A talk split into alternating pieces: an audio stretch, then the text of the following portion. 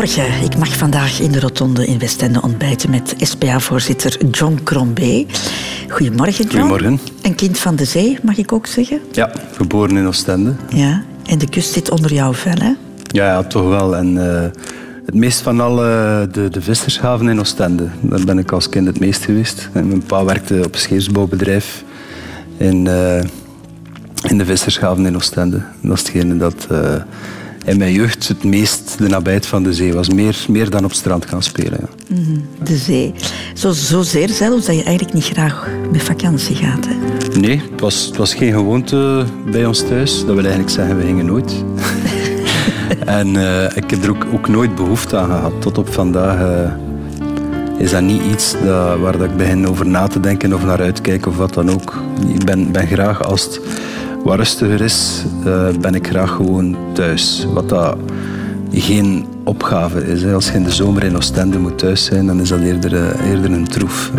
De nabijheid van de zee en strand en theater aan zee en ook mijn, mijn boeken en mijn gitaar. Dat heb je dan ook. Als je op reis uh, vertrekt, dan moet je alles achterlaten dat je graag hebt. Ik vind dat een raar concept.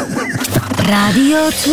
De Rotonde met Christel van Dijk. Jean Crombé, we gaan vandaag jouw afslagen van het leven onder de loepen nemen. De keuzes die, jij, die jij gemaakt hebt.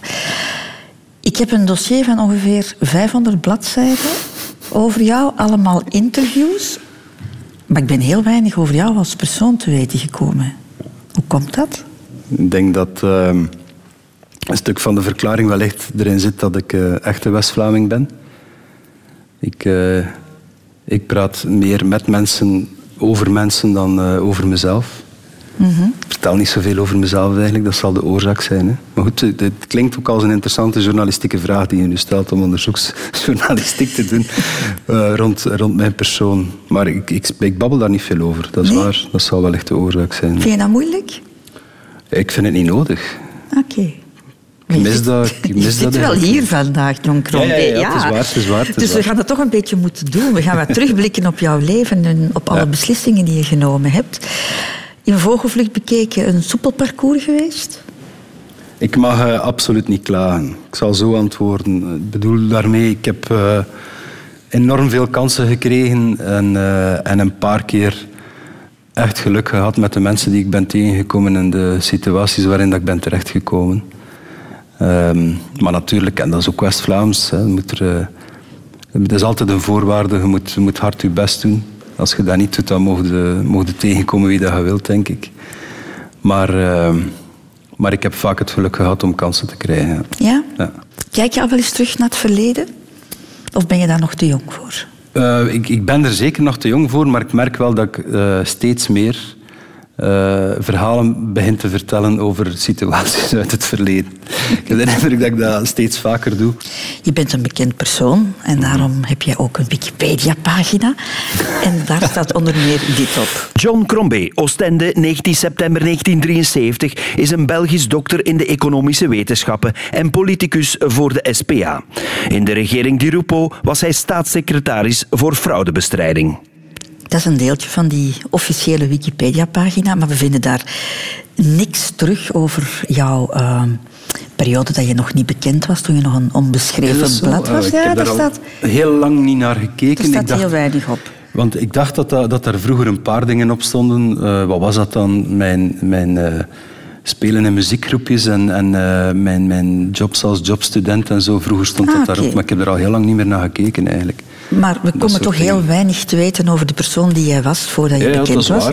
Dus wij vonden dat een gemiste kans en Han Koeken heeft daar iets aan gedaan. John Crombé is geboren in Oostende op 19 september 1973 en getogen in het landelijke Ernegem. Moeder Monique schetst meteen een duidelijk profiel van haar zoon, zoals alleen moeders dat kunnen. Een pracht van een kind. Een pracht van een kind geweest.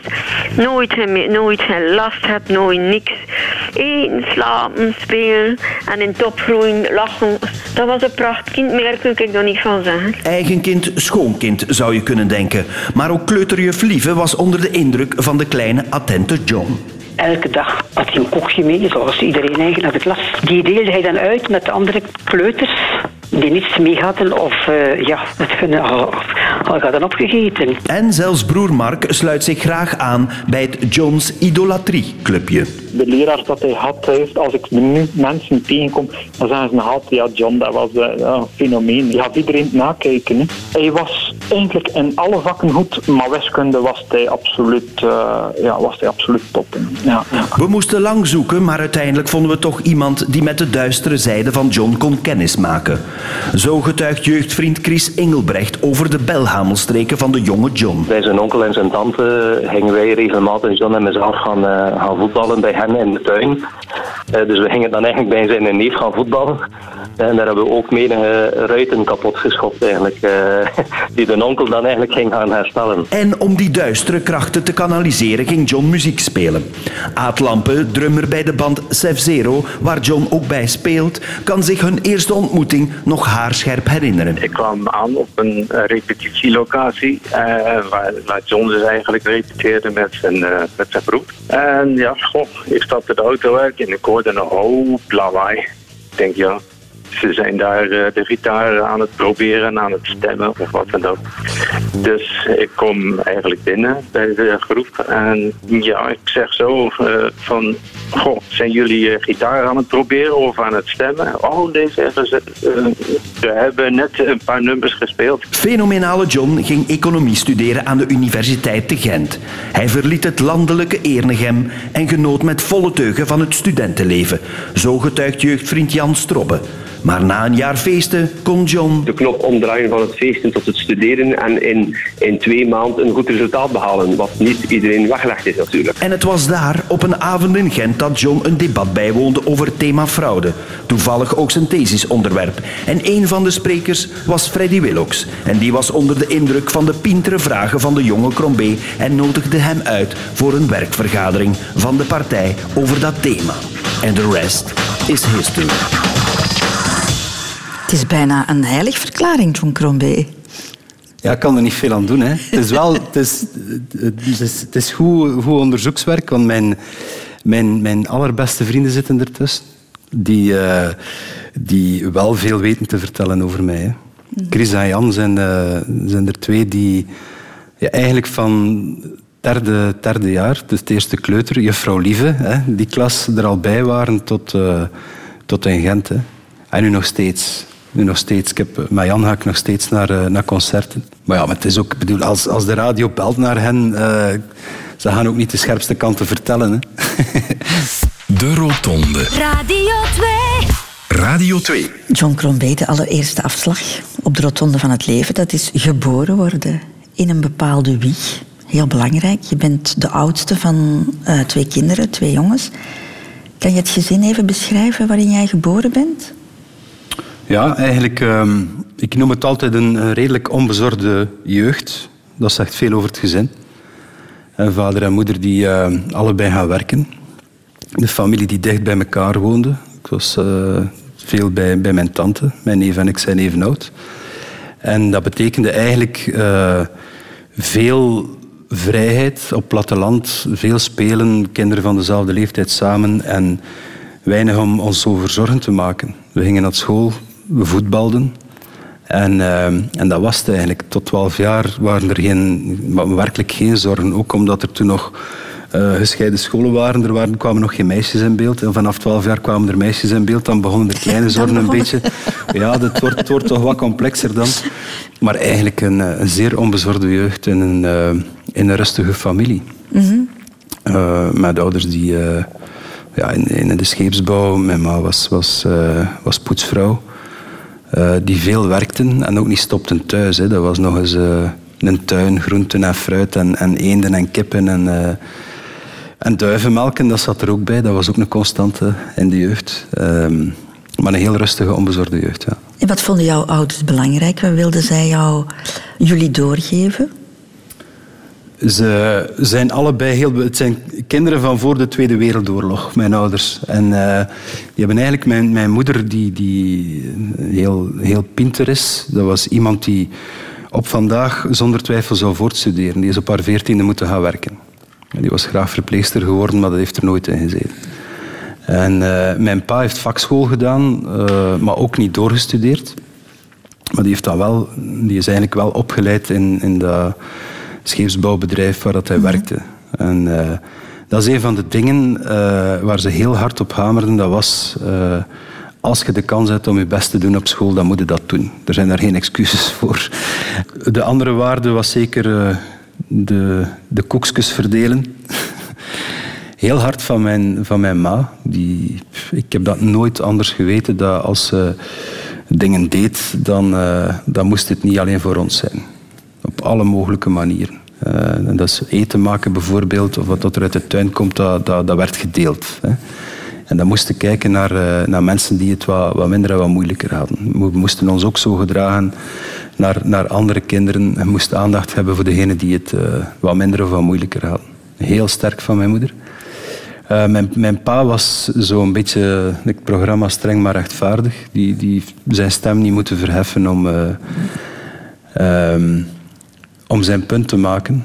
Laat staan de rest. Maar ehm, hij, vroeg wel, eh, hij vroeg wel discipline. Als het nodig was, moesten we ons best doen. En eh, hij hamerde daar nogal op. Dat zijn waren eigenlijk weet je, een warm nest en, en, en delen. Niet, eh, niet egoïstisch en egocentrisch zijn. En hard je best doen. Ik heb het al gezegd, dat het zal... wij, West-Vlamingen zeggen altijd dat is West-Vlaams, maar dat is niet waar. Hè. Hard je best doen, dat zit bij veel mensen erin. Maar het is wel, ik heb dat wel ook hard meegekregen, dat dat belangrijk was. Hè. Je was ook echt een jongen van het platteland, hè? Totaal. Buiten spelen, Ja. met de duiven bezig zijn. Ja, dat duivenmelken is iets speciaals. Ik ben op jonge leeftijd daar, daarmee begonnen, maar we hadden zo echt in de, in de wijk, als je de zondagmorgen, als ze moesten vallen, hè, Arras, Clermont, Dourdan, dan kwamen mensen buiten op straat, begonnen allemaal naar boven te kijken. Zo. Omdat er een paar duivenmelkers zaten eh, op, op een klein, eh, klein gebied. En dus die duiven verzorgen, dat is een paar keer per dag. Begonnen we ook jong mee te doen. Dat werk, eh, consteurzetter heette dat. Dat is de constateur, dus de klok waar dat, Ja, ja. de ringen in moesten van de Ik duiven. kom ook van het platteland, ik ken het ook allemaal. Ja, maar het is, het is iets dat, dat veel mensen niet meer kennen. Dat is, eh, maar eh, ik was dan degene die de, de consteurs zette en uitklokte als de duiven waren aangekomen. Ben ik zelf met, met, met een, eh, een, een kot duivinnen, enkel met duivinnen gespeeld. Dat was tegen de regels van het eh, duivenmelken, maar enkel duivinnen en dat ging goed. Dus ja, eigenlijk heel mijn jeugd ook met duivenmelken bezig geweest. Ja. Mhm. Als ik het zo hoor, John Crombie, klinkt het allemaal heel idyllisch. Bijna te mooi om waar te zijn. Ja, maar het is ook niet verkeerd dat dat bestaat. Ik, bedoel, ik denk dat je in je, in je jeugd hebt goede en, en, en slechte dingen.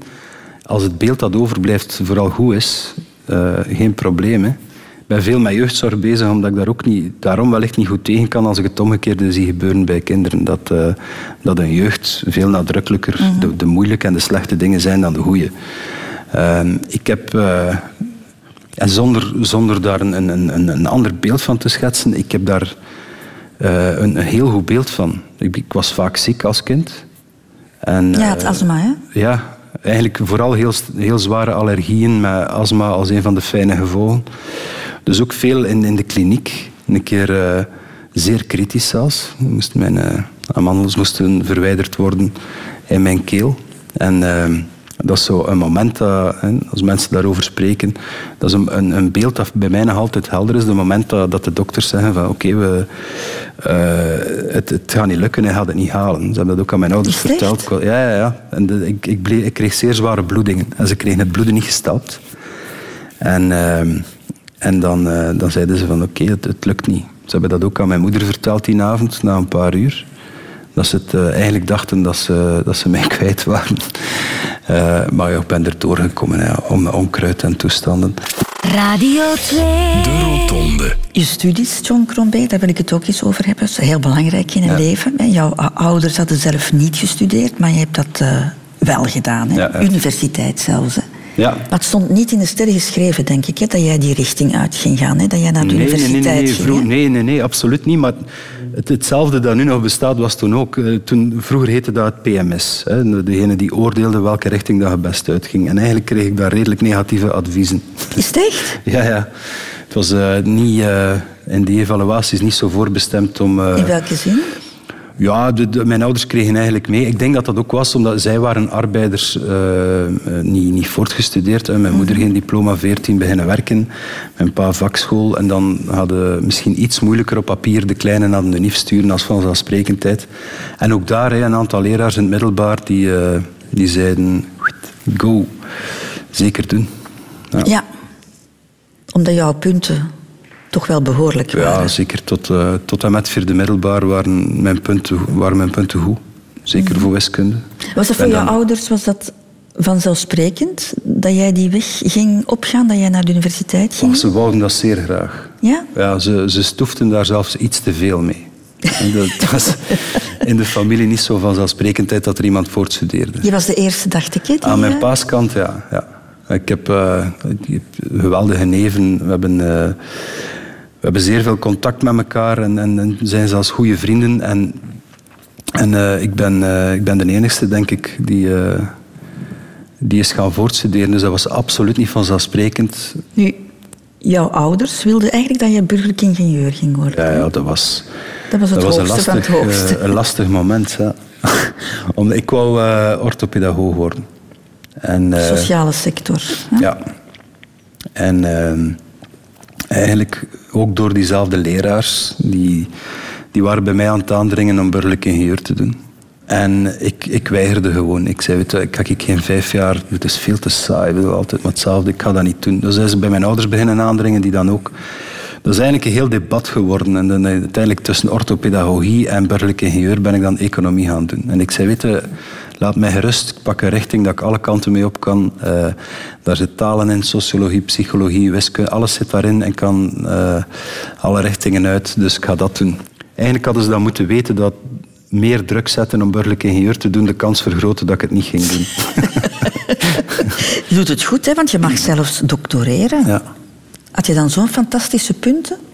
In Gent niet, nee, helemaal niet. Ik was... eh, Moet je, moet je dat niet hebben om te mogen doctoreren? Normaal wel, ja, maar dat is zo'n voorbeeld van... eh je komt mensen tegen die in je geloven en dat kan nogal het verschil maken. Dus er was een jonge prof die eh, in mijn, eh, mijn vier jaar in Gent... eh, die was toen begonnen pas als prof, dus die was nog heel jong.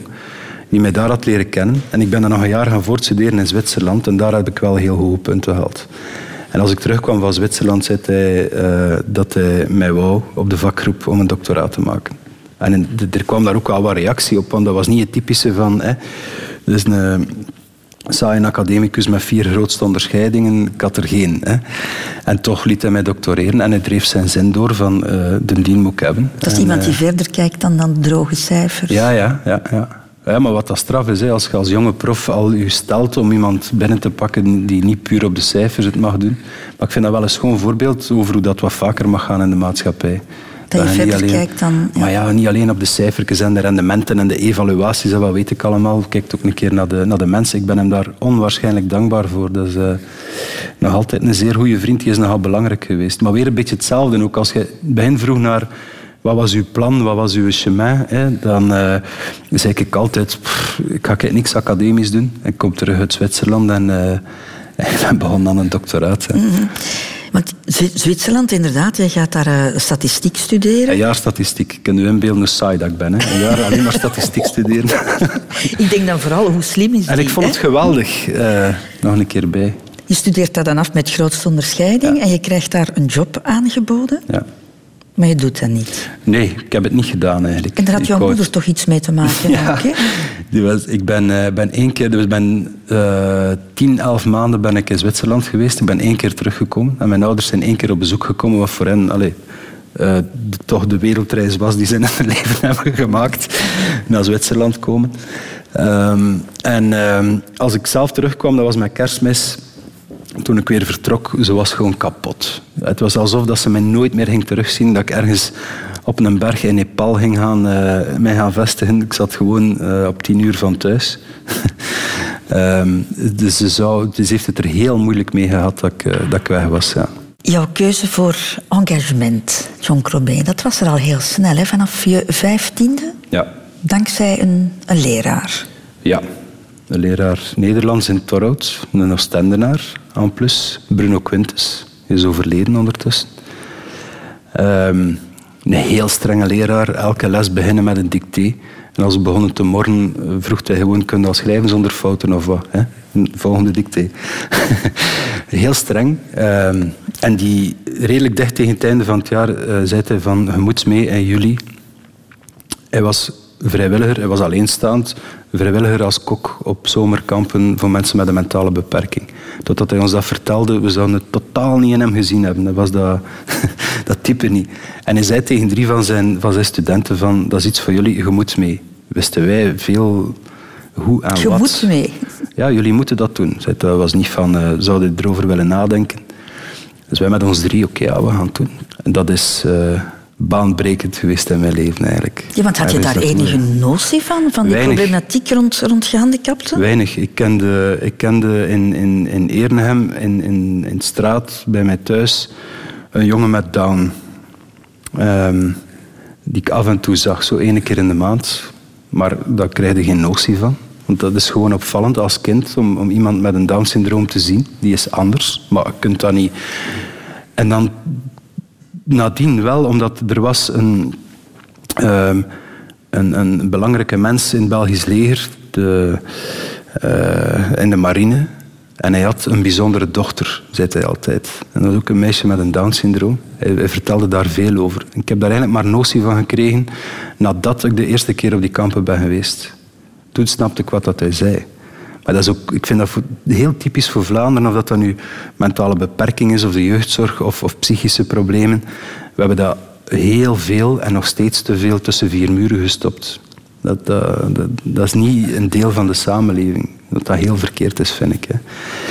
Dat ook als Dimitri Verhulst zijn boeken schrijft, het wordt als bijna iets exotisch gezien. Instellingen voor kinderen, jeugdzorg, weet je, binnen vier muren. En, en, dat maakt ook dat je als kind dat, dat niet leert kennen. Ik ben er grote fan van als scholen een bezinningen invullen met, met uh, vrijwilligerswerk voor mensen in armoede of mensen met een mentale beperking of wat dan ook, om het te leren kennen.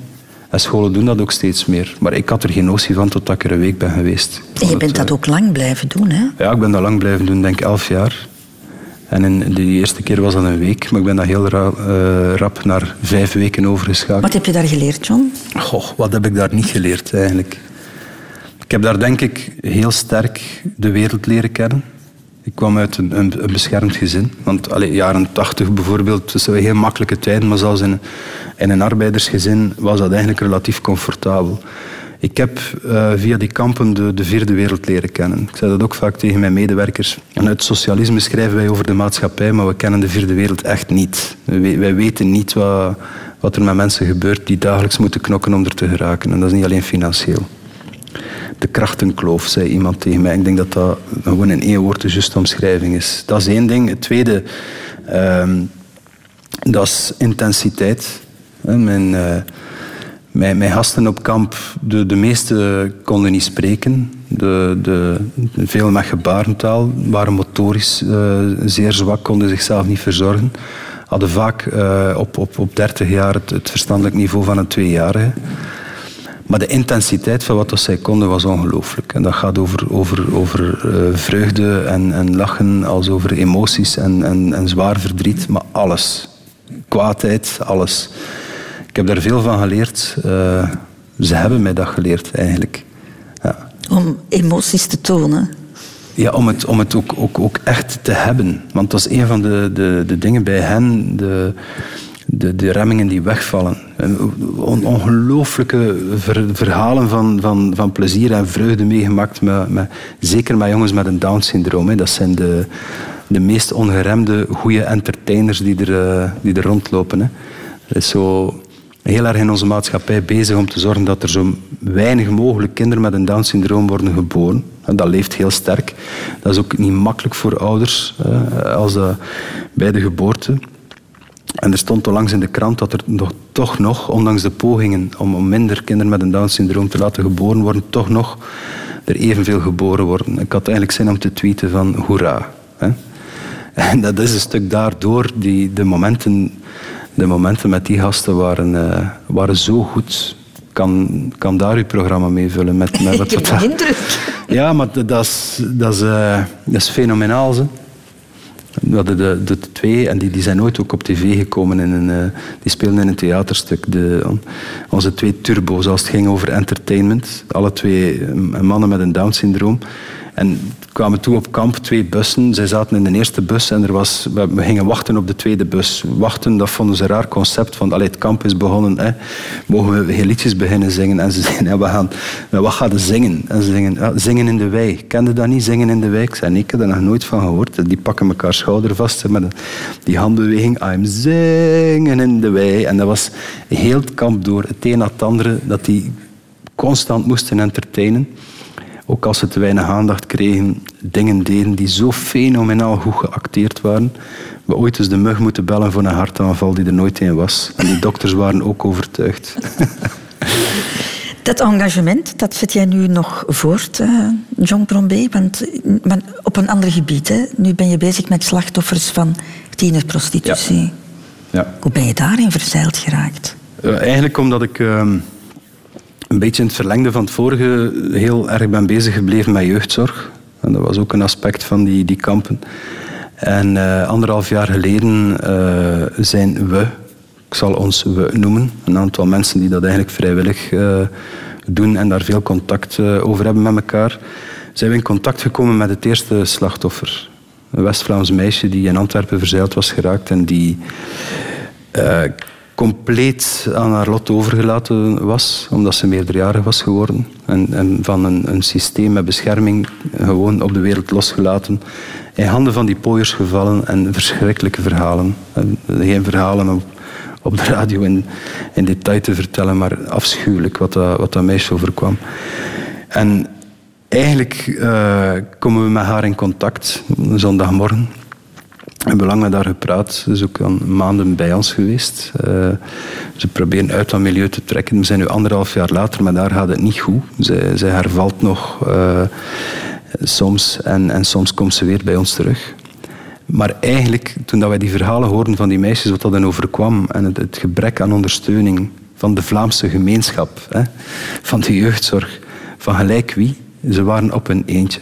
Ze werden seksueel uitgebuit, misbruikt, bedreigd, al wat dat je wilt op jonge leeftijd. En, en ze hadden niks of niemand. Er kwam ook geen reactie. Ze werden soms als, als daders bestempeld, wat ik begrijp, maar het is zo, zo fout eigenlijk. Dat zijn zeer gekwetste en kwetsbare meisjes. En door die verhalen kwam er plots een toevloed van, van meer meisjes, meer slachtoffers. En, en heel jong. Het jongste meisje in die verhalen, maar haar heb ik nooit ontmoet, was elf jaar.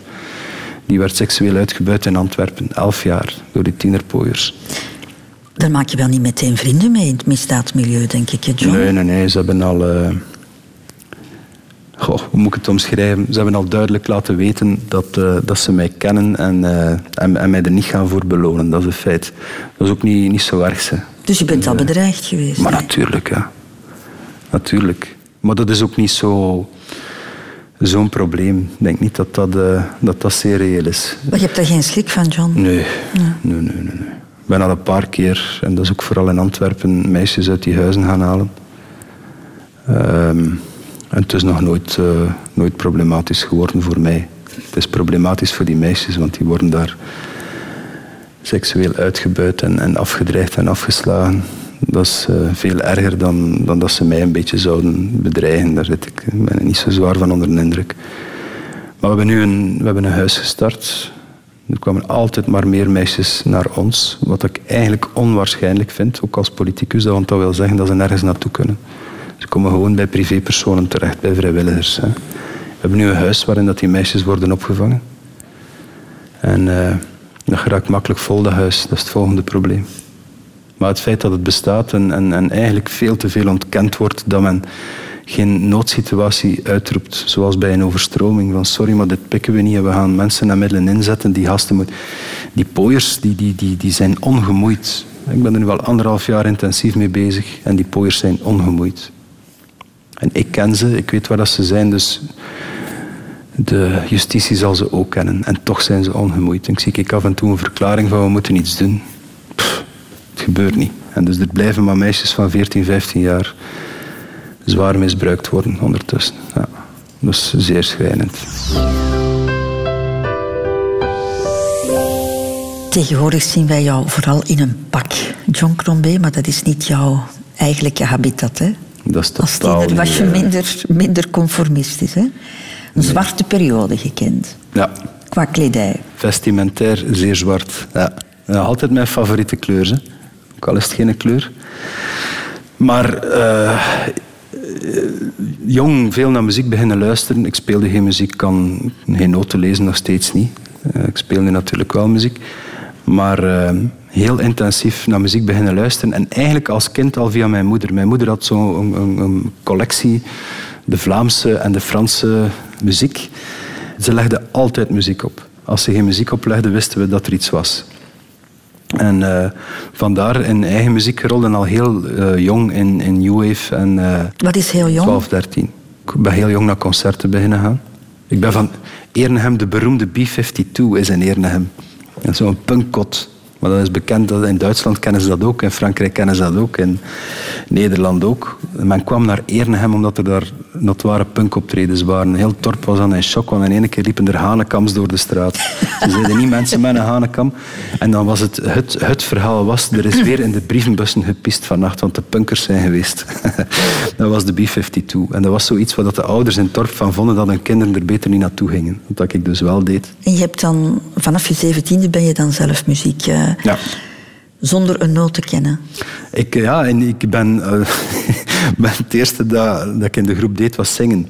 Ik was de leadzanger van de groep. En ik kende geen noot, ik speelde geen muziek. Maar ik heb dan heel rap de, de basgitaar erbij gepakt. Aad, de drummer, hè. onze geweldige drummer. Dat is, dat is een top, die is professioneel muzikant geweest vroeger. Er zijn bekende platen waar dat hij het in gedrumd heeft. Geweldige kerel, hij is op zijn pensioen. Hij was een cipier in Brugge. En, ehm, en eigenlijk hebben we daar in het begin heel intensief veel, veel opgetreden. Meest in West-Vlaanderen, maar we hadden, we hadden big fun. We hebben een paar keer ook eh, muziek opgepakt. hè. Mhm, Je hebt op Werchter ook gespeeld. Ja, dat was geweldig. Had zo eh, de- de mogelijkheid om tussen het optreden op het hoofdpodium en het tweede podium als beginnende band mochten dan op Werchter op een, een echt podium voor de wij ook eh, drie nummers spelen. Ja, hebben we dat mogen doen. Dat was fenomenaal. Hè? Dat er plots staat op dat podium voor heel die weide. Tussen PJ Harvey en Placebo was dat. Ja, dat was wel tof. En toch geen doorbraak. Hè? Ik heb nadien met, met Herman Schuurmans eh, en met Chokri in het parlement gezeten en, en dikwijls over muziek gebabbeld met hen. En ook, ook gezegd tegen hen van hoe, hoe kun je de bal zo misslaan om ons nooit te programmeren. Maar het feit is wel, John, denk ik dan, dat jij het wel fijn vindt om gezien te worden. Dat jij niet wil opgaan in, in de massa. Eh, ik heb er geen probleem mee. Dat is heel dubbel. Ik weet nog, als ik mijn doctoraat presenteerde in Gent, dat een paar proffen kwamen zeggen eh, dat ze de presentatie verrassend goed vonden, omdat ze dat in mij niet gezien hadden. Ik ben niet degene die in groep direct de boventoon pakt. Pakte, nu is dat iets meer. Ehm, maar een keer dat ik iets moet presenteren, een keer dat ik voor het publiek moet staan, ben ik meestal redelijk eh, op mijn gemak. Ja. Radio Radio 2. Over de afslagen van het leven. De Rotonde. John Crombé, had jij na jouw studies al een concreet idee over wat je precies wou doen? Eh, ja, maar ik heb het niet gedaan. Ehm, ik, ik was, als ik klaar was met studeren, dus dat was in Zwitserland, hè, en ik kom terug naar België. En de eerste dag dat ik in België terug was, heb ik mij ingeschreven bij de federale gerechtelijke politie om eh, als fraudebestrijder aan het werk te gaan. En ik kreeg een brief terug dat mijn inschrijving een dag te laat was. En dus het is niet gebeurd. Oei, Ja. Dus ik wist wat ik wou en ik heb het niet gedaan. Ik was een dag te laat met mijn inschrijving. je had een flik kunnen zijn. Ja, absoluut. Je hebt dat dan kunnen doen als staatssecretaris. Ja, hè? ja, opmerkelijk genoeg. hè. Eigenlijk is dat eh, ongelooflijk dat dat dan twintig jaar later dat ik dan staatssecretaris fraudebestrijding word. Dat is, iets, Mhm. dat is vreemd. Hè. Ja. Want die politiek is eigenlijk ook weer iets toevallig. Hè? Dat is een beetje de rode draad in jouw leven, toch? Hè? Dat. Toevalligheden Ja. en ontmoetingen, zoals je zegt. Ja. En zo is het ook gegaan voor jouw keuze voor de politiek. Eh, letterlijk toevallig. De, de, het is op het moment dat eh, Paars 2, Verhofstadt 2 gevormd wordt, dus dat is in de zomer van 2003. En ik, eh, ik was lid van een raad van bestuur van een eh, sociaal-economiefonds. En die raad van bestuur vergaderde die dag op het kabinet van de, de bevoegde minister. En ik kom de kabinetchef tegen in de hang, die ik niet ken eigenlijk. En eh, die spreekt mij aan en die zegt van ja, je bent toch uh, gespecialiseerd in beurswezen en financiële markten. Ik zei ja, waarom? Dan zegt hij, we hebben vanavond een eerste vergadering voor de beursgang van Belgacom. En uh, er is hier niemand die dat echt, echt kent, die materie. Ik kon niet meegaan naar die vergadering. Ik ben niet meer weggeraakt. Mm -hmm. Maar het was er vooral, hè? je was student en je bent Freddy Willox ja, tegen. Maar ja, dat, er zit daar tien jaar tussen. Hè. Tussen de ontmoeting met Freddy Willox en de brief van Frank van den Broeke om mij uit te nodigen, morgens om acht uur in Brussel op de grasmarkt. het zit daar tien jaar tussen. Ik was partijlid, ging naar congressen. Deed dingen achter de schermen, maar ik was uh, uh, geen actief uh, SPA voor de schermen. En dus dat, dat overbrugt tien jaar en dan, dan gebeurt het plots. En er echt niet meer weggeraakt. Ik ben naar mijn, mijn, mijn vakgroepsvoorzitter moeten bellen. Uh, letterlijk met de woorden van... Uh, ik heb de indruk dat ik hier uh, ga blijven. dat is dezelfde die mij liet doctoreren trouwens. Hè. In diezelfde tien jaar. Nog steeds hij. En hij zei, ja, dan moet je dat doen. Maar dan ga je van de veilige, universitaire, academische wereld naar die harde wereld van de politiek. Was je daarop ja. voorbereid? Nee, opnieuw hetzelfde. Een beetje als bij die, die kampen voordien. Uh, komt in een wereld terecht die je niet kent. Je leest erover in de kranten en je ziet wel iets op tv en je bent geïnteresseerd in politiek, je volgt het allemaal, maar dat kabinetsleven... Goh, wat was dat, man? Dat was uh, een openbaring. S morgens vroeg tot s avonds laat. Een heel, een heel drukke nest met een, groep mensen in, samenwerken op een manier die, die, die toch wel speciaal is. Veel druk, veel heftige momenten in groep. Ja, dat was uh, een belevenis. Ik vind het een, een, een, een rare overstap, hè? want je bent eigenlijk iemand die... Uh, hoe moet ik het zeggen? Misschien toch eerder in de wieg gelegd bent, oorspronkelijk voor de ja. zachtere sector, voor, voor maatschappelijke dingen. En dan kies je toch voor iets totaal anders. Ja, maar, maar dat heb ik altijd leuk gevonden om, om de twee te doen. Die periode dat ik die kampen doe met mensen met een mentale beperking is dezelfde periode dat ik aan het doctoreren ben. Het was de twee. Ik volg economie terwijl dat ik uh, als vrijwilliger in de sociale sector aan het werk ben. En de twee samen vond ik altijd wel leuk. En uh, ik, ik, kan er nog altijd enorm naar, naar uitkijken om, om te, te denken op een dag wil ik ook echt fulltime in de sociale sector werken. Dat is op vandaag nog altijd zo. Is zo? En ook dat, ja, absoluut. En ook dat is uh, een geruststellend perspectief. Ik ga dat ook, ook doen.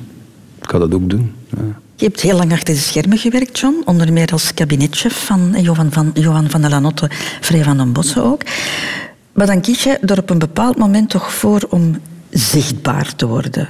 Eerst als staatssecretaris, later als voorzitter. Ja. Het is een heel Waarom? proces geweest. Um, omdat ik, ik had tegen iedereen in de partij gezegd van kijk, je weet dat ik bereid ben om, om 24 uur op 24 en 7 op 7 te werken, maar je moet mij nooit vragen om, om mijn kop op affiches in de straat te hangen. Want ik ga dat nooit doen. en dan, ja, weer hetzelfde. Hè. Plots trek ik een lijst voor het parlement en dan is het allemaal zeer snel gegaan. Snel in de regering en, en dan zelfs voorzitter. En waarom zeg je dan toch ja? Ik heb mij laten overhalen door een aantal mensen. Ze zijn uh, iedere keer uh, hard aan het aandringen geweest. Ook voor het voorzitterschap is er veel aangedrongen. Ik ben dan op een bepaald moment uh, voorzitter geworden van de SPA in Deinze. ook compleet onverwacht, maar ik deed dat wel. En dat is de, de eerste keer dat ik, dat ik dat wel allemaal doe. De, de straat op gaan, met mensen spreken, organisaties waar dat er iets misloopt, een wijk waar dat er een slechte verkeerssituatie voor de kinderen is. Dus, dus het werk op het terrein. Niet meer de grote dossiers, maar het werk op het terrein. En een verkiezingscampagne met een groep waar we big fun hebben gehad. En ik denk dat daar de, de klik is gemaakt. Dat is ook de eerste keer dat ik plots stond ik in die verkiezing, want ik was onbelangrijk. Ik was SPA in Deinze als lijstduur. Ik was niet lijsttrekker of zo.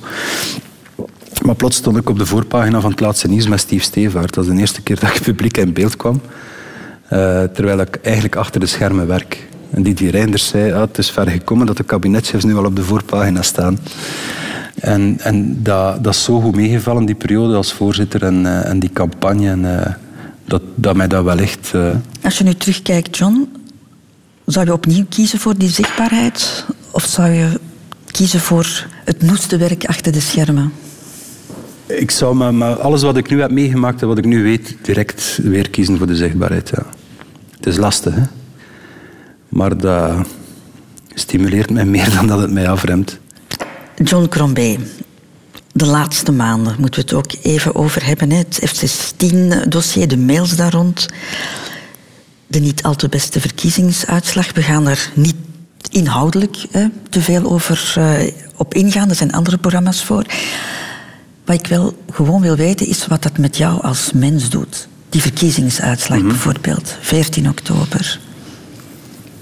Het is uh, voor mij als mens een belangrijk moment geweest voor de simpele reden dat mijn eerste verkiezing als voorzitter was. En uh, daar moet je niet flauw over doen. Je weet dat je in een wereld leeft dat, uh, dat je daar mag en moet op afgerekend worden. En dat vind ik heel straf. Ik heb dat ook publiek gezegd en dat, uh, dat iedereen mij afgedaan, maar ik vind dat wel. Dus als mens pak ik dat op mijn krachten. Er zijn op die moment maar twee mogelijkheden. Hè. Dat is, Neem je dat persoonlijk, ja? Ja, ook al zegt men mij dagelijks een paar keer dat dat totaal onlogisch is, als mens doe ik dat wel. Ja. En ik vind dat ook niet erg. En ik zou het ook problematisch vinden, moest ik dat niet doen. Tast dat jouw zelfvertrouwen aan? Ik ga daar een, een eerlijk, eerlijk maar fout antwoord op geven. Nee. ik weet wat ik aan het doen ben. Ik weet uh, waarom dat ik het doe. Ik weet met wie dat ik het doe. Ik geloof daar even uh, rotsvast in als, uh, als voor de verkiezingen. Mm -hmm. Dat is het probleem niet. Het probleem is, je moet, uh, je moet zelf op elk moment beseffen dat als je iets, iets wilt veranderen, dat, dat dat vaak moeilijk is. En dat als het moeilijk is, dat het nooit over jezelf gaat. Wel, de beschouwingen en de interviews en de artikels en de reacties, die gaan dan vaak over mij, want ik ben de voorzitter. Mm -hmm. Maar het gaat over het feit dat het moet veranderen. En niet over mij. Mm. Ja, nochtans, je wordt er inderdaad op, op afgerekend. Ah, ik heb een, een, aantal artikels gelezen met koppen als De val van Crombé. Allee, ik bedoel, ik zou kapot zijn. ik ga ook niet in de politiek, denk ik, daardoor. Dat is toch heel confronterend.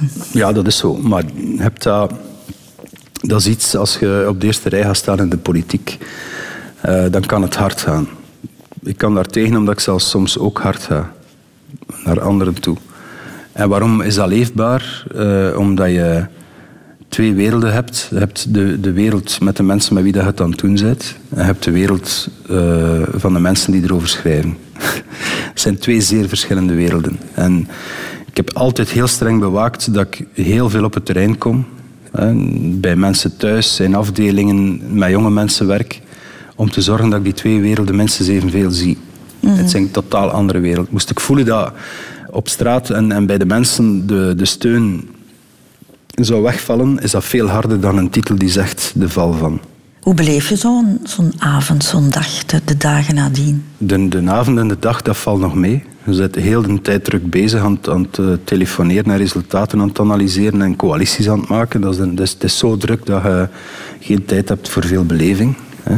En uh, dan moet je ook al de eerste interviews beginnen geven. Uh, en dan de dagen nadien uh, zijn heftig. Hè? Omdat als het, als het goed is, dan kun je alles juist zeggen. Als het niet goed is, dan kun je alleen maar verkeerde dingen zeggen. Zeker intern. Dat is deel van hoe dat die wereld in elkaar zit. Maar kan jij en praten dat, dan? Want je bent een gesloten man, je bent de West-Vlaming, heb je al een paar keer gezegd. Moeilijk over emoties praten. Kan je dat op zulke momenten wel? Weinig. Over wat dat het voor mij, mezelf betekent, weinig. Ik heb die, de dagen na de verkiezingen bijzonder veel gepraat en, en ook zeer veel geluisterd en moeten luisteren naar wat dat anderen tegen mij hebben gezegd. Um, en dus daar heb ik, heb ik zeer veel tijd in gestoken, maar dan om erover te spreken hoe dat over me, voor mezelf is op die momenten, nee. Daar had ik geen tijd voor, dat is de, het beste excuus. Mm -hmm. Het treft jouw gezin ook, hè? Ja, tuurlijk. Zoiets, hè? Tuurlijk, tuurlijk. Babette is, is, uh, is elf jaar en, en ze, ze ziet het en ze absorbeert er veel van. Ze zegt er niet te veel van. Ze heeft, er, ze heeft denk een dag of tien gewacht om er wat vragen over te stellen, wat dat allemaal betekende. Dus ja, ze, ze, ze merkt dat ook wel. Ze merkt dat ook wel aan mij. Hè. Je kunt niet, niet, niet wegsteken dat uh, de spanning en de stress is, uh, hoog voor de verkiezingen. En als het niet goed is, de verkiezingen de dagen en de weken nadien nog hoger. Hè. En natuurlijk heeft dat een impact. Maar, uh, maar kinderen zijn daar redelijk geweldig in. Hè. Die, uh, die troosten zonder dat het per se erover moet gaan. Hè. Is dat zo? Maar ja, tuurlijk. Tuurlijk. Ze heeft in de, de voorbije weken meer mij opgeëist dan dat ze dat anders doet. Maar vooral voor dingen die niks te maken hadden met de politiek. Ja, hm. ja dat, is, dat is fijn. Hè. Je had gezegd, eh, John Crombé, als de verkiezingen zouden tegenvallen, dat jij je zou terugtrekken als voorzitter. Je hebt dat niet gedaan, hè, op vraag van de partij. Ja. Hebben ze daar lang voor moeten zagen? Ik heb ze niet lang laten zagen. Het was uh, de dag na de verkiezingen op partijbureau was dat natuurlijk een onderwerp. Namelijk, ze, die, die collectief zeiden, je moet voortdoen.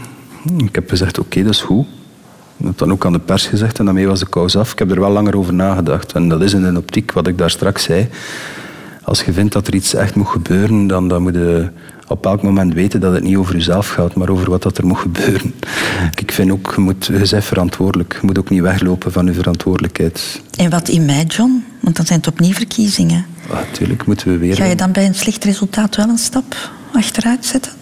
Je kunt dat moeilijk voorspellen. Ik ben, om, om te beginnen denk ik dat de omstandigheden in mei alweer heel anders gaan zijn dan nu. Um, het is wel zo dat als het, uh, als het echt niet gaat, moet ik ook, ook ze niet meer laten zagen. Hè.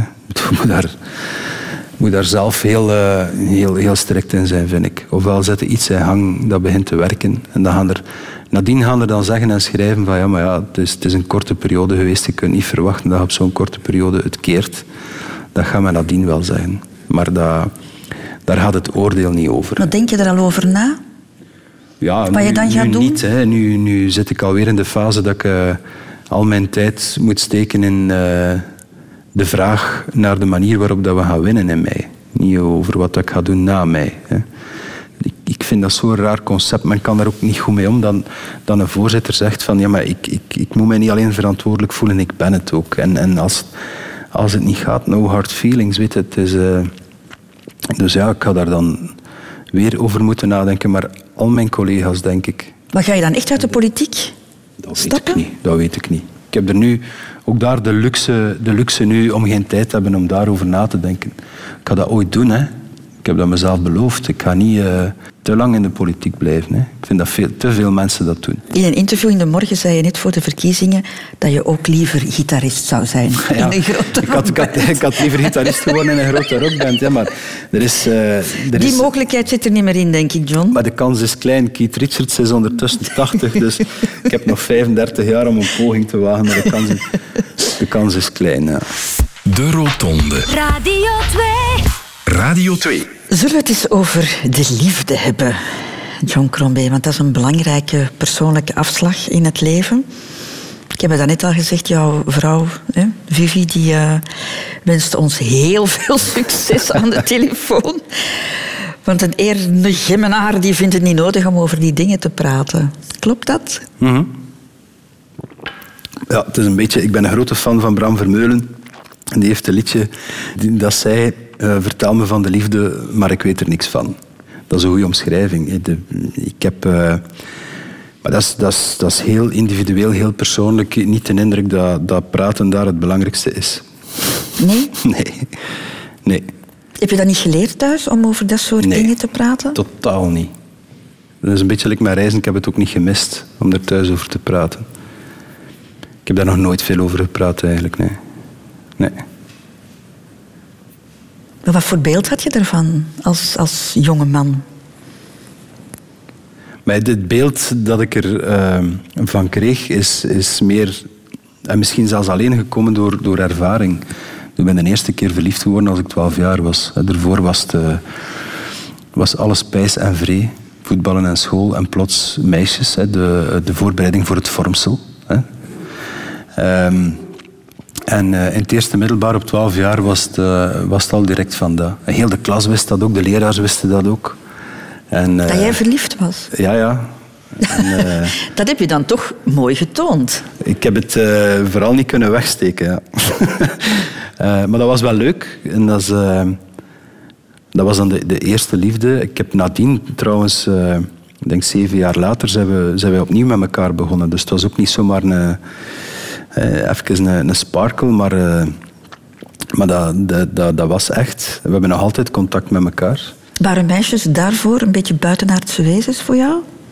Het interesseerde mij eigenlijk totaal niet. Maar ja, ik spreek nu over 12, 13 jaar. Hè. Dat dat tot 12, 13 jaar zo is, eh, dat is goed. Hè. Ik heb er ook geen probleem mee, maar pff, ik, ik, ik wist er niks van. Het, eh, het boeide mij niet. En dan eh, de voorbereiding van ons eh, vormsel worden in groepjes gezet, jongens en meisjes samen. Dat is dan de eerste keer, want dat is op de voetbal niet zo, dat is in school niet zo, dat is als we aan het voetballen zijn op plein ook niet zo. En dan kwam de pauze op bezoek. Dat was in hetzelfde jaar dat wij ons vormsel deden. Een strafjaar. En, ehm, en daar ja, was dat heel aanwezig. De eerste was Jan, die je gehoord hebt. En dat was de eerste die actief was. en dan begin je daar ook voor de eerste keer over te, over te klappen. Hè? Met eh, de jongens onder elkaar, de mannen van 12 jaar. Hè? Ja, en vanaf 12, 13 jaar was dat heel aanwezig. Nog altijd rustig. Zo. Een, keer, een keer een kus en dat was het. Hè? En dan nogal big thing, een kus. Hè? Ehm, maar dan duurt het, duurt het eigenlijk, denk ik, ja, tot, tot, tot mijn 15 jaar voordat het voor de eerste keer zo voor echt is. Hè? Voel jij het best in een relatie, John? Ik zou het niet weten. Ik ben nooit zonder geweest. Dat is raar hè, om te zeggen, maar eh, ik denk dat ik van pakweg mijn zeventiende tot, tot nu eigenlijk nooit zonder een relatie ben geweest. Je bent je huidige vrouw tegengekomen toen je op het kabinet eh, van Johan van der Anotte werkte. Hè? Zij was zijn woordvoerster. In interviews zeg je altijd dat dat de zwaarste periode uit jouw leven was. Dat je zo hard moest werken, maar je had wel tijd om naar de vrouwen te kijken, John. Toch wel, Ja, maar het kost weinig moeite om te kijken. Hè. En het kon alleen maar op het kabinet, want ik was nergens anders in die jaren. maar dat, dat was eh, simpelweg de zwaarste periode, omdat we daar eh, 28 op de 30 dagen aan het werken waren. Eh, en, eh, en altijd van s morgens vroeg tot s avonds laat en s'nachts. En ja, dat, dat was waarschijnlijk dan de enige plek waar dat kon gebeuren. hè. Is dat ideaal, een relatie op de werkvloer? Ja, weet je, waarom niet?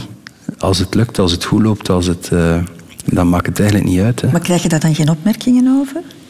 Och, dat is een heel ding geweest. De, om te beginnen, de vicepremier. Want ik, ik was eerst adviseur, zij was woordvoerder en dan werd ik kabinetchef.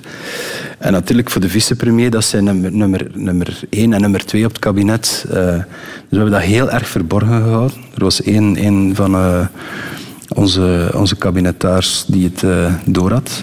Maar ook gezegd, zwijg het, want dat is, dat is inderdaad niet simpel op een kabinet. Dat- en dan ehm, ben ik dat gaan vertellen aan Johan. eh, en die zei, ja, ik had dat al lang door. Ik had het totaal niet door.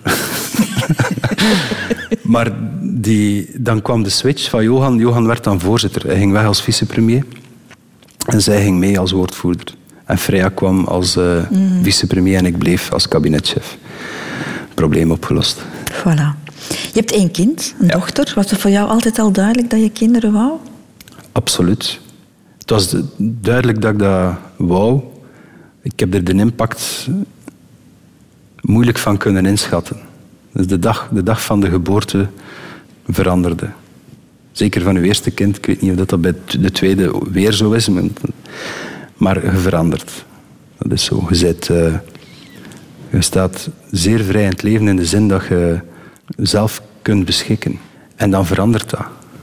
Want je wilt, je wilt niet meer alleen zelf beschikken. Dat is raar om te zeggen, ook, ook naar een partner, maar een, kind is anders. Eh, plots wilde er, eh, wilde er heel erg zijn en, eh, en, er, en zorgen dat, dat het goed gaat. En, je, partner is, is zelfstandig, je kind ook, hè, maar als ouder heb je het gevoel dat je er moet zijn en dan, dan verandert je leven. Ja. Ik heb dat gevoel heel sterk gehad, de dag van de geboorte en nadien. Ja. En nog steeds eigenlijk. Het is ondertussen een eh, aanstormende jonge vrouw aan het worden. die zeer zelfstandig is en met een eigen gedacht. Maar eh, We hebben er gisteren veel over gepraat, hè, over jouw dochter Babette. Dat is jouw zwakke punt, toch? Hè? als je dat zeer positief bedoelt, is Dat is een zeer waar. ja, ja, ja het, eh, ze is geweldig. Hè. Dat gaat niet alleen, dat gaat niet alleen over, over, over trots of, of gelijk wat. Hoe dat ze in elkaar steekt, wat dat ze zegt, wat dat ze vertelt, wat dat ze doet. Ik vind het geweldig. Ja.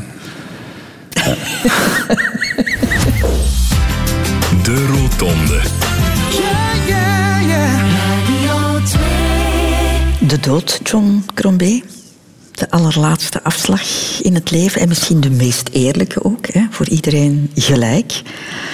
Is dat een afslag die jou bang maakt? Nee. Nee. Misschien omdat ik nog te jong ben. Misschien verandert dat als ik ouder word. Als het me bang maakt, is het, is het eh, in het idee dat het mensen rond mij kan overkomen. Dan wel, ja. Ik denk dat ik een jaar of 17 was als ik een van mijn beste vrienden ben verloren. Een verkeersongeluk. Dat is heel confronterend geweest, want dat was de, de eerste echte keer. Weet je? Grootouders verliezen die, die op leeftijd zijn. Mijn grootvader van 82, dat maakte een zware indruk. Maar, maar zo, nu, hij was een jaar jonger.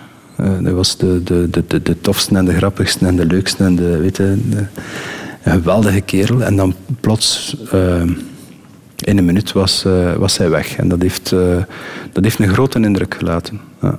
Dus ja, als je bang... Maar in de zin, het is...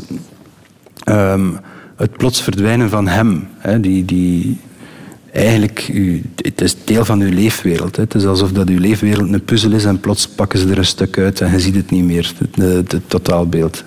En ook dat verandert u, hè, omdat tot, totdat je dat tegenkomt, dat het uh, niet een sterfgeval, maar echt iemand die, die verdwijnt uh, met grote impact, totdat je dat tegenkomt, zijn je daar niet bang van. En een keer dat dat gebeurd is, zijn in staat om bang te zijn dat het ook met andere mensen gaat gebeuren rond u. Ja. -hmm. Je hebt het ook... Ja, hoe, hoe, moet ik het zeggen? Je hebt het niet meegemaakt met je, met je broer, want je broer is er nog, maar ja. hij heeft ook wel heel, heel dicht bij, ja, ja. bij dat punt dus, gestaan. Ja, wees gerust. Het was eigenlijk in dezelfde dagen dat ik uh, door de koning beëdigd werd in de regering. Was de, was de, de, de, de vraag heel acuut of dat het ging gaan om verder te leven. Hè. Even schetsen misschien, jouw broer heeft de ziekte van Lyme. Hij is chronisch ziek, heeft de ziekte van Lyme. En uh, dat is ondertussen al, uh, al heel lang, al 13 jaar denk ik. Het was een, een leeuw van een kerel. Eigenlijk was hij in, in alles straffer dan, uh, dan ik. ik bedoel, in het gesproken woord op school, ehm, werken, ongelooflijk. echt een leeuw. En dan dag op dag een verschijnsel dat mensen kennen, gewoon blokkeren. De, de ene voet niet meer voor de andere krijgen. En eigenlijk is dat dan altijd maar erger geworden tot op het punt, in Sinterklaas 2011, als ik in de regering ga, dat, uh, dat dokters echt zeiden tegen mij van ja, we vragen ons af of dat het nog zin heeft. En dat is iets dat, in een keer dat dat gezegd is, dat gaat nooit meer weg. Hè. En dat blijft een, een bergrit. Hè lange, steile klims om, om naar boven te geraken en dan plots heel snelle afdalingen dat je weer beneden staat. En naar beginnen aan de volgende klim. Dat is nu nog altijd. Ik heb er immens veel bewondering voor. Ik weet niet of ik het uh, op dezelfde manier zou dragen als hij dat doet. Want uiteindelijk, hij is vijf jaar jonger. Heel zijn meest dynamische moment van zijn leven is daardoor, uh, mm -hmm. is daardoor weggeslagen. Hè. Het heeft jou wel in gang gezet om actie te nemen. Ja, ja. We zijn... Uh, mensen beginnen verenigen daar rond, omdat er iets heel raars in, in, in Vlaanderen blijft. Uh, een groot stuk ook van de artsen uh, er heel erg tegen om te zeggen dat dat bestaat. En mij, ik, ik weet het niet. Ik ben een economist, dus ik, ik kan de diagnose niet stellen. Maar ik zie zoveel mensen die blokkeren. Ik zie zoveel mensen die chronisch ziek worden zonder dat men de vinger erop kan leggen van dat is. Maar de, de, de, de symptomen zijn, zijn wel reëel. Sommige mensen geraken, geraken niet meer uit hun bed, kunnen niet meer bewegen, kunnen, weten, zijn, zijn gewoon zeer, zeer zwaar ziek zonder dat iemand kan zeggen dat is het. En je denkt dat dat daarmee te maken heeft? Ja, omdat de, wat dat de uiteindelijke diagnose is, de, de vaststelling. We hebben er nu al zoveel over gelezen, al zoveel met experten over gepraat. Het is ook in steeds meer landen erkend. Hè. Dus de, de tekenbeet, die bacterie die eigenlijk uw afweersysteem compleet naar de fret helpt. Daarom niet onmiddellijk, maar uh, een keer dat gebeurt, is het om zeep. Je kunt herstellen. Uh, maar er zijn er veel die jarenlang op zoek moeten naar een oplossing om een beetje een, een normaler leven te hebben. Wat dan een, een verschrikkelijke zoektocht is. Hè. Ik heb en wat wil jij concreet daaraan doen, John? Wel, ik, ik wil erkenning voor uh, de, de onverklaarde lichamelijke klachten. Dat zijn meestal dezelfde klachten. En dat komt bij duizenden mensen voor in alle leeftijdscategorieën ondertussen in, eh, in België. Bij jouw broer heeft het ook lang geduurd. Hè? Eer jullie gevonden hadden dat het door die teken Ja, ja, ja, ja tuurlijk. Al, alle onderzoeken, maar werkelijk alles. En overal. En, en, en eh, bij universiteiten. En on- onwaarschijnlijk. En, en dan iedere keer de hoop van... Ah, ze, hebben, ze denken dat ze iets gevonden hebben, het is dat weer niet. Andere medicatie weer niet. Dat is een verschrikkelijke zoektocht. En, en ondertussen wordt het steeds slechter. En dat is een patroon dat, dat je bij veel mensen ziet. En dat is het moeilijkste eraan. In Nederland is men het serieus beginnen pakken omdat men plots zag dat er in de groep met die klachten een ongelooflijke stijging was in de zelfmoordcijfers. Dan heeft het beleid gezegd van we gaan toch iets moeten doen om die mensen te, te ondersteunen, te, te, te zorgen en wat weet ik allemaal. Obama heeft hem verontschuldigd naar de bevolking in Amerika. Omdat eh, zo lang werd ontkend dat het bestond. Maar het blijft zo in België dat men zeer afkerig blijft van die analyse. De artsenkranten hebben al een paar keer over mij, tegen mij geschreven, hoe, dat, dat ik dat durf benoemen. Mij kan het niet schelen als er maar een manier komt om, om die mensen te helpen. En die groep wordt steeds groter. Men, men onderschat echt dat dat wat de impact daarvan is. Spreek met de familieleden, spreek met de, met de vriendinnetjes van een 15-jarig me- 15-jarig meisje die het heeft. Hoe moeilijk dat, dat is om dat te plaatsen. Het is te makkelijk om te zeggen dat toen sommige artsen zit tussen de oren. Daarmee zeiden die mensen nog meer aan het beschadigen. John Crombé, het was heel fijn dat je met mij wou ontbijten vanochtend. Eh, Dank je wel daarvoor. Ik heb geleerd dat jouw leven een pad vol toevalligheden is geweest, maar vooral van heel boeiende ontmoetingen. Ja. En dat er ook nog heel veel leven is na de politiek. Wees gerust. Mocht het zover komen. Ik ga jou nog een cadeautje geven, mocht je wat Ja, meer tijd dankjewel. hebben. Het boek De Rotonde is eh, pas verschenen. Voilà. Super. Het is nog ingepakt, maar misschien hè, na de verkiezingen van mij, want nu heb je het te druk, allicht. Nog één ding, Dankjewel. nog één ding, John. Het gastenboek. Het is Ja. een gewoonte dat eh, mijn gasten daar iets in schrijven. Wil je dat ook doen? Ik ga dat doen. Christel, bijzondere dank om meer woorden uit een West-Vlaming en een Ernegem te halen dan er normaal spontaan uitkomen. Het is altijd wat onwennig op het terrein waarop ik minder vaak speel, maar je doet het op een manier die het bijzonder aangenaam maakt. Hopelijk komt er steeds meer zendtijd om het over de mensen te hebben die het tenslotte samen moeten doen, dan zendtijd over de mensen die het tegen elkaar doen. Oprechte dank aan jou en je mensen. John.